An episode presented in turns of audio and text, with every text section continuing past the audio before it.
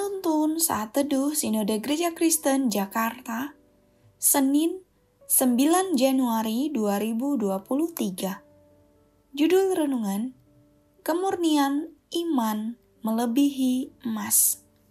Nats Alkitab terambil di dalam kitab 1 Petrus pasal 1 ayat 3 sampai 7 Pengharapan, iman, dan kasih. Terpujilah Allah dan Bapa Tuhan kita Yesus Kristus, yang karena rahmatnya yang besar telah melahirkan kita kembali oleh kebangkitan Yesus Kristus dari antara orang mati kepada suatu hidup yang penuh pengharapan, untuk menerima suatu bagian yang tidak dapat binasa, yang tidak dapat cemar, dan yang tidak dapat layu, yang tersimpan di surga bagi kamu, yaitu kamu yang dipelihara dalam kekuatan Allah karena imanmu, sementara kamu menantikan keselamatan yang telah tersedia untuk dinyatakan pada zaman akhir. Bergembiralah akan hal itu. Sekalipun sekarang ini kamu seketika harus berduka cita oleh berbagai-bagai pencobaan. Maksud semuanya itu ialah untuk membuktikan kemurnian imanmu yang jauh lebih tinggi nilainya daripada emas yang fana. Yang diuji kemurniannya dengan api, sehingga kamu memperoleh puji-pujian dan kemuliaan dan kehormatan pada hari Yesus Kristus menyatakan dirinya. Kenneth Copeland adalah televangelis yang populer serta kaya raya di Amerika. Konon katanya, Tuhan pernah menyuruhnya membuat mansion sebuah perumahan mewah baginya dan istrinya. Terlepas dari kelakuan unik dan nyeleneh itu, Kenneth Copeland berpegang pada pengajaran teologi kemakmuran. Inti dari pengajaran itu adalah Tuhan tidak hanya memberikan berkat spiritual, namun terutama adalah berkat kesehatan dan kekayaan. Seringkali kesehatan dan kekayaan dapat diterima sebagai akibat dari tindakan menabur yaitu dengan memberikan perpuluhan. Bahkan dikatakan bahwa kekayaan adalah suatu tanda akan kasih Tuhan kepada umatnya. Benarkah firman Tuhan mengajarkan demikian? Jemaat Kristen mula-mula sedang mengalami penderitaan.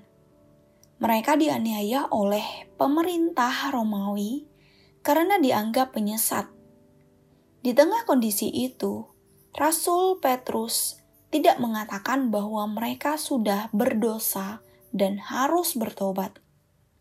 Firman Tuhan justru berkata, "Bergembiralah akan hal itu, sekalipun sekarang ini kamu seketika harus berduka cita oleh berbagai-bagai pencobaan."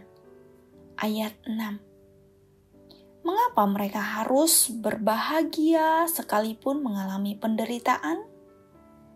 Ada dua alasan yang disebutkan dalam bagian ini. Pertama, untuk membuktikan kemurnian iman. Ayat 7. Penderitaan bisa memurnikan iman kita. Penderitaan menunjukkan bahwa kita mengikuti Yesus tanpa motivasi keuntungan pribadi, melainkan untuk memuliakan namanya. Iman yang murni seperti emas akan diganjar dengan pujian dan kemuliaan dan kehormatan pada hari Yesus menyatakan dirinya. Kedua, di balik kesulitan dan penderitaan hidup, ada Tuhan yang menjaga dan memelihara kita. Ayat 3 sampai 5. Tuhan tidak akan membiarkan kita sendirian. Kita mampu menjalani penderitaan bersama dengan Tuhan. Lalu, bagaimana dengan kekayaan dan kemakmuran? Memang, kekayaan bisa menjadi tanda kasih Tuhan kepada kita, tetapi bukan menjadi tolak ukurnya. Bahkan, Tuhan bisa mengizinkan penderitaan dan kesulitan terjadi untuk mendatangkan berkat bagi kita firman Allah tidak pernah menjanjikan umatnya bebas dari segala kesulitan. Namun, firman Allah menjanjikan bahwa Tuhan akan memelihara dan menjaga kita. Firman Tuhan juga menjanjikan bahwa penderitaan yang kita alami hanyalah sementara, sebab ada kebahagiaan yang jauh lebih besar yang sedang menanti kita. Kebahagiaan itu adalah suatu bagian yang tidak dapat binasa, yang tidak dapat cemar, dan yang tidak dapat layu, yang tersimpan di sorga bagi kamu. Ayat 4 Tuhan bisa mengizinkan penderitaan terjadi untuk mendatangkan berkat bagi kita. Amin. Terima kasih, Tuhan Yesus memberkati.